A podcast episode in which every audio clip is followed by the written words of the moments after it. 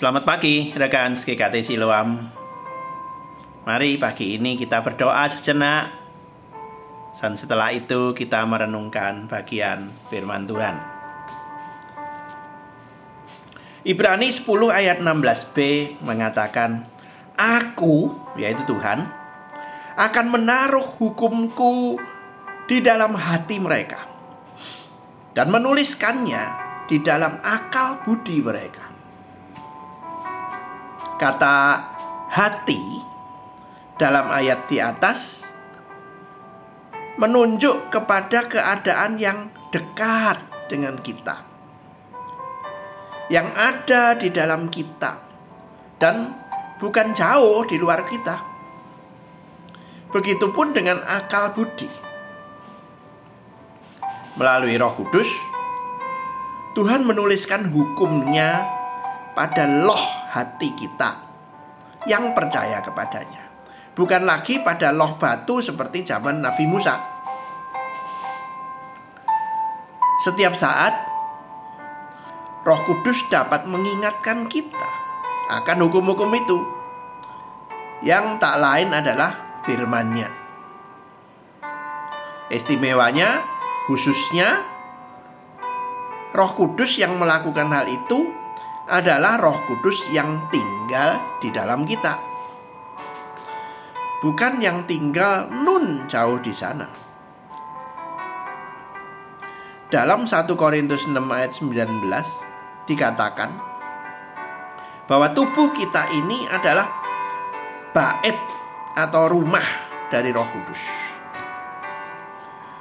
Tuhan tidak menuntut kita menjalani kehidupan Kristen ini seorang diri.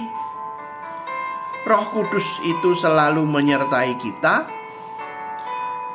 dan kita tidak bergumul seorang diri karena Roh Kudus menolong. Kekristenan itu lebih dari sekedar sebuah agama.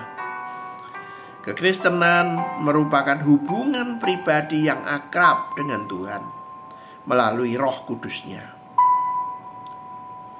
Semakin akrab hubungan itu, semakin peka pula lah kita terhadap pimpinan Roh Kudus.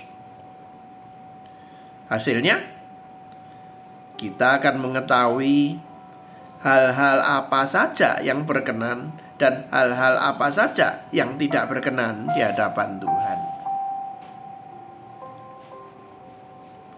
Hal itu menunjukkan bahwa hukum Tuhan tertulis di dalam loh hati kita, dalam akal budi kita. Kita akan merasakan kehadirannya dalam hidup ini. Kita akan melihat dia turun tangan dalam setiap persoalan kita.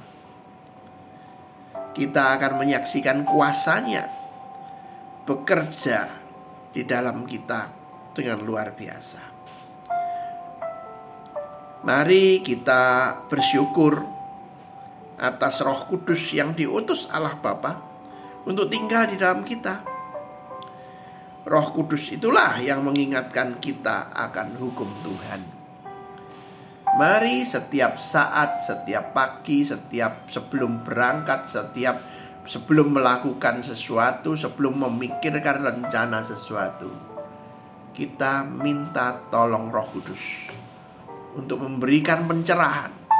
Bagaimana sebaiknya apa yang aku rencanakan, apa yang aku lakukan, apa yang aku bicarakan, apa ke mana aku akan pergi. Itu minta pertolongan roh kudus. Minta hikmat dari roh kudus. Tuhan akan menyertai kita. Bagaimana dengan kita? Mari kita taati firman Tuhan. Mari kita dengar-dengar suara Roh Kudus dalam hati kita. Selamat pagi rekan GKT Siloam. Shalom.